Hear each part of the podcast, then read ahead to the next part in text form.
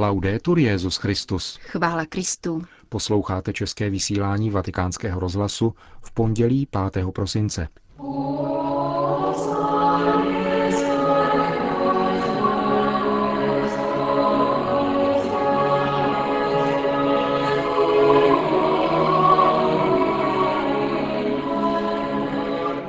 Svatý stolec se stal členem Mezinárodní organizace pro migraci v Ženevě. Archiv českého vysílání vatikánského rozhlasu bude digitalizován Ústavem pro studium totalitních režimů. Jeho ředitel Daniel Herman byl u našeho mikrofonu. To a další zprávy uslyšíte v našem dnešním pořadu, kterým vás provázejí Milan Glázer a Jana Gruberová.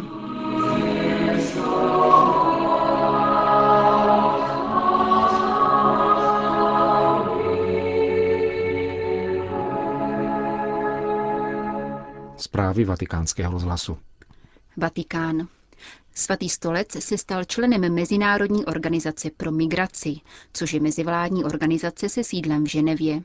Tvoří 132 členských států a dalších 20 států vnímá statut pozorovatele.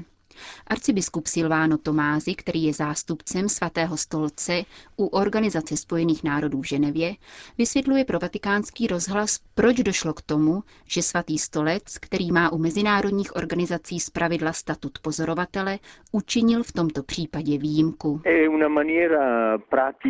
Je to záležitost praktická, která dodá větší váhu na zasedání této instituce v dnešních sociálních situacích, kde nerozhoduje ani tak politika, jako spíše nezbytnost výjít vstříc lidským požadavkům osob, které jsou v pohybu v různých regionech světa. Na církevní rovině máme rozsáhlou síť katolických organizací a církev je v určitém smyslu zapojena do služeb migrantům v první linii. Tento typ spolupráce s existujícími strukturami mezinárodního společenství je tudíž logický a operativní krok, který umožní učinit tuto službu ještě efektivnější. Migrace, či přesněji výzvy a utrpení s ní spojené jsou součástí magisteria Benedikta XVI. Je vstup do této mezinárodní organizace jeho další etapou? Zajisté je třeba sledovat cestu, kterou indikuje svatý otec a zkušenost církve na tomto poli, dnes již staletá. Katolické organizace se snaží sloužit opravdu velkodušně všem lidem, nezávisle na jejich náboženské víře, barvě pleti či na jejich právním statutu. Ve hře je lidská osoba, její důstojnost, která je často ohrožená právě v těchto krajních situacích, kdy lidé přecházejí z jednoho státu do druhého, hledají práci a snaží se najít způsob, jak přežít. Chceme přinášet náš etický přístup k tomuto fenoménu, aby z toho měla prospěch důstojnost lidské osoby. Za druhé chceme spolupracovat účinněji prostřednictvím sítí katolických organizací, které na tomto poli již dávno pracují. A za třetí chceme sloužit podle svědomí, to znamená, že budeme usilovat o demokratický kontext sociálních služeb, které jsou poskytovány lidem v nouzi. Říká arcibiskup Tomázy o vstupu svatého stolce mezi členské státy Mezinárodní organizace pro migraci. Vatikán. Rozhovory Benedikta XVI. s německým novinářem Peterem Zewaldem vycházejí v arabštině. Kniha Světlo světa tak byla od své publikace zhruba před rokem přeložena již do 28 jazyků. Arabská edice bude představena v Bejrútu v pátek 9. prosince za účasti ředitele vatikánského nakladatelství otce Giuseppe Costi, zodpovědného redaktora otce Edmunda Carualeho a bývalého ředitele ministerstva zahraničních věcí Libanonu, katolického velvyslance Fuada Turka.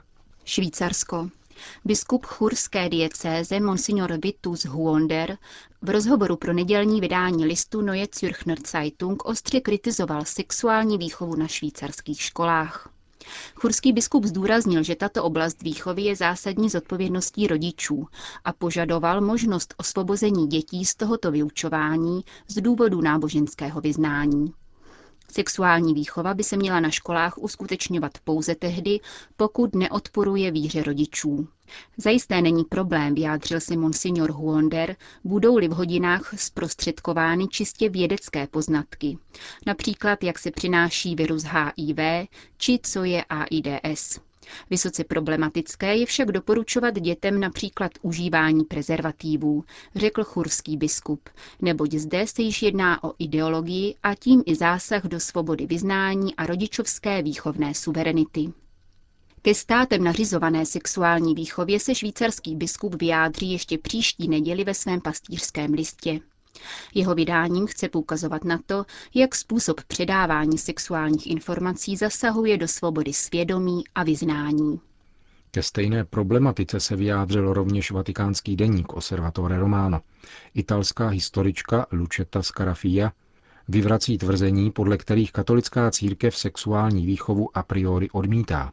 Církev rozhodně vítá výchovu vedoucí k celistvému rozvoji člověka, včetně jeho tělesných, tedy i sexuálních funkcí, avšak nahlíží v úzkém vztahu k filozofické, psychologické a duchovní výchově. Z tohoto důvodu odsuzuje redukování sexuální výchovy na soubor technických návodů o užívání antikoncepce, které nepojímá člověka jako celek s jeho morálními a psychologickými aspekty. Londýn. Skotští anglikáni se připojili k mezináboženské kampani proti rozšiřování pojmu manželství na homosexuální svazky. Hlavním iniciátorem kampaně Skotsko pro manželství je tamní katolický primas kardinál Kate O'Brien. Připojili se k ní rovněž představitelé muslimů a evangelikálních společenství. Podpora ze strany anglikánů je mimořádně významná, protože zůstávají ve Skotsku nejpočetněji zastoupeným vyznáním. Svým jasným stanoviskem v této věci se také vzdálili od jiných anglikánů v západních zemích, kteří jsou často vůči homosexualismu tolerantnější. Skotská anglikánská církev prohlásila, že tzv. homosexuální manželství je v rozporu se skotskými hodnotami a učením písma svatého. Mezi tamními anglikány existuje také silná opozice vůči připuštění homosexuálů do duchovní služby. 150 pastorů pohrozilo, že církev opustí, pokud její představitelé odsouhlasí svěcení homosexuálů. Pákistán.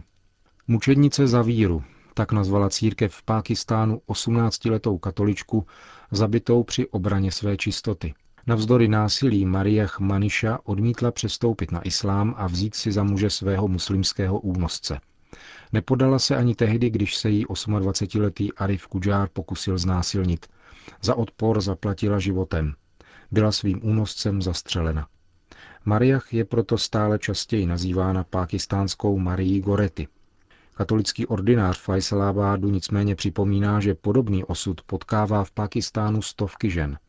Únosy, znásilňování a násilí jsou metodou, kterými se vlivní muslimové snaží zlomit vůli svých vyvolených křesťanek. S násilím se také často setkávají děvčata pracující jako pomocnice v domácnosti, říká biskup Joseph Kutz. Policie obvykle přijímá udání v těchto věcech teprve ve chvíli, kdy se o nich začne mluvit nahlas. Přesto většina pachatelů vyvázne bez trestu. Proto se církev v Pákistánu snaží upozorňovat veřejnost na osud těchto žen a mluví o jejich skutečných právech. Netýká se to pouze křesťanek, ale i muslimek. Vrah zmíněné pákistánské katoličky byl zatčen, ale vzhledem k tomu, že je synem vlivného a majetného muslima, lze očekávat, že se trestu vyhne. Otec mladé křesťanky se nicméně domáhá spravedlnosti a ohlásil, že bude bojovat, aby ji dosáhl. Čína. Stále větší počet žen z jeho východní Asie je tajně dopravováno do Číny, kde jsou nuceny k prostituci nebo prodávány mužům, které je nutí k uzavření sňatku. Jak si všímá agentura Asia News, problému se věnoval nedávný článek čínského oficiálního deníku China Daily. Ačkoliv údaje o skutečném rozsahu tohoto fenoménu zůstávají tajné, ředitel oddělení proti obchodu s lidmi přiznává, že počet cizinek, které přicházejí tajně do Číny, stále roste. Většina z nich pochází z chudých regionů Větnamu, Myanmaru a Laosu. Stávají se obětí sítě kriminálních skupin, které je lákají na vidinu práce či manželství s dobře situovaným mužem. Po příchodu do Číny jsou prodávány za cenu 3 až 7 tisíc dolarů. Situace úzce souvisí s politikou jednoho dítěte, která vede k častým umělým potratům nenarozených děvčátek nebo dokonce k zabíjení narozených. Tento tichý, oficiálními místy popíraný masakr způsobil hlubokou nerovnováhu mezi pohlavími. Muži proto stále častěji hledají ženy v Severní Koreji nebo si manželky kupují. Podle odhadů Spojených národů dnes v zemi středu připadá na 118 mužů 100 žen.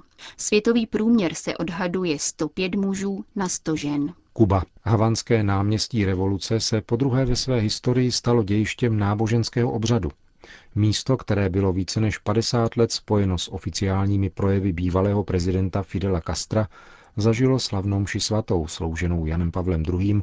v lednu 1998. A nyní jím o víkendu prošlo mariánské procesí uctívající Virgen de la Caridad del Cobre, kterou papež Benedikt XV. v roce 1916 prohlásil patronkou Kuby. Téměř hodinové pocty Madoně z Kobre se na revolučním náměstí, kromě stovek věřících, vedených kardinálem Chaimem Ortegou, účastnili také funkcionáři náboženského odboru kubánské komunistické strany. Národní mariánskou pouť završí návrat sošky do města El Cobre na východě ostrova a slavnostní vyvrcholení jubilejního roku, jemuž bude v polovině března příštího roku s největší pravděpodobností předsedat svatý otec Benedikt XVI.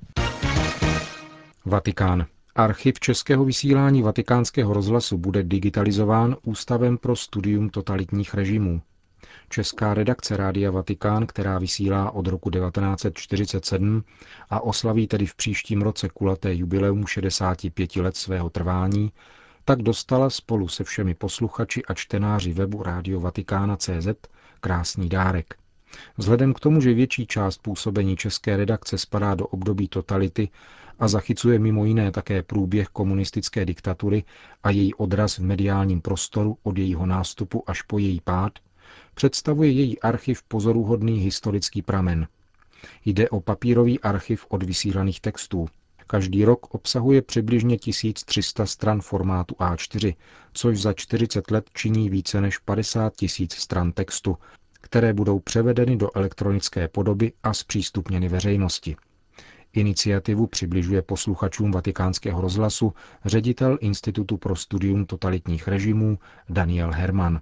Ústav pro studium totalitních režimů je na základě zákona 181 z roku 2007, podle kterého vznikl odpovědný za zpřístupňování materiálů bezpečnostních složek komunistického státu. A právě vysílání vatikánského rozhlasu, české vysílání, tvoří jistě důležitý kamínek celkové mozaice zahraničních aktivit ve svobodném světě, proto jsme se obrátili prostřednictvím vatikánského velvyslanectví na ředitele vatikánského rozhlasu s žádostí, jestli by bylo možné digitalizovat, tedy do elektronické podoby převést a tím i badatelům zpřístupnit materiály, které zde v době 50. let až potom do roku 89 vznikly. Takže se podařilo zrealizovat tento projekt, že díky velkorysosti a pochopení ze strany vatikánského rozhlasu byly archivály z let 1950 až 1989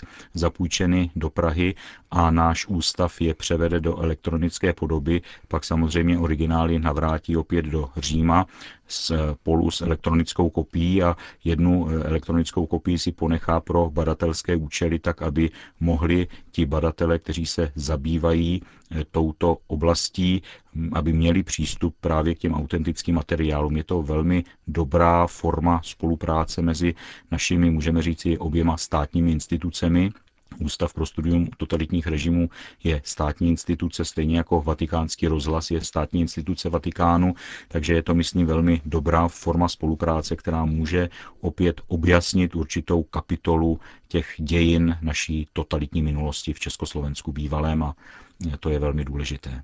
Digitalizace archivu České sekce Rádia Vatikán je prováděna na základě smlouvy, kterou jsme uzavřeli, náš ústav s vatikánským rozhlasem.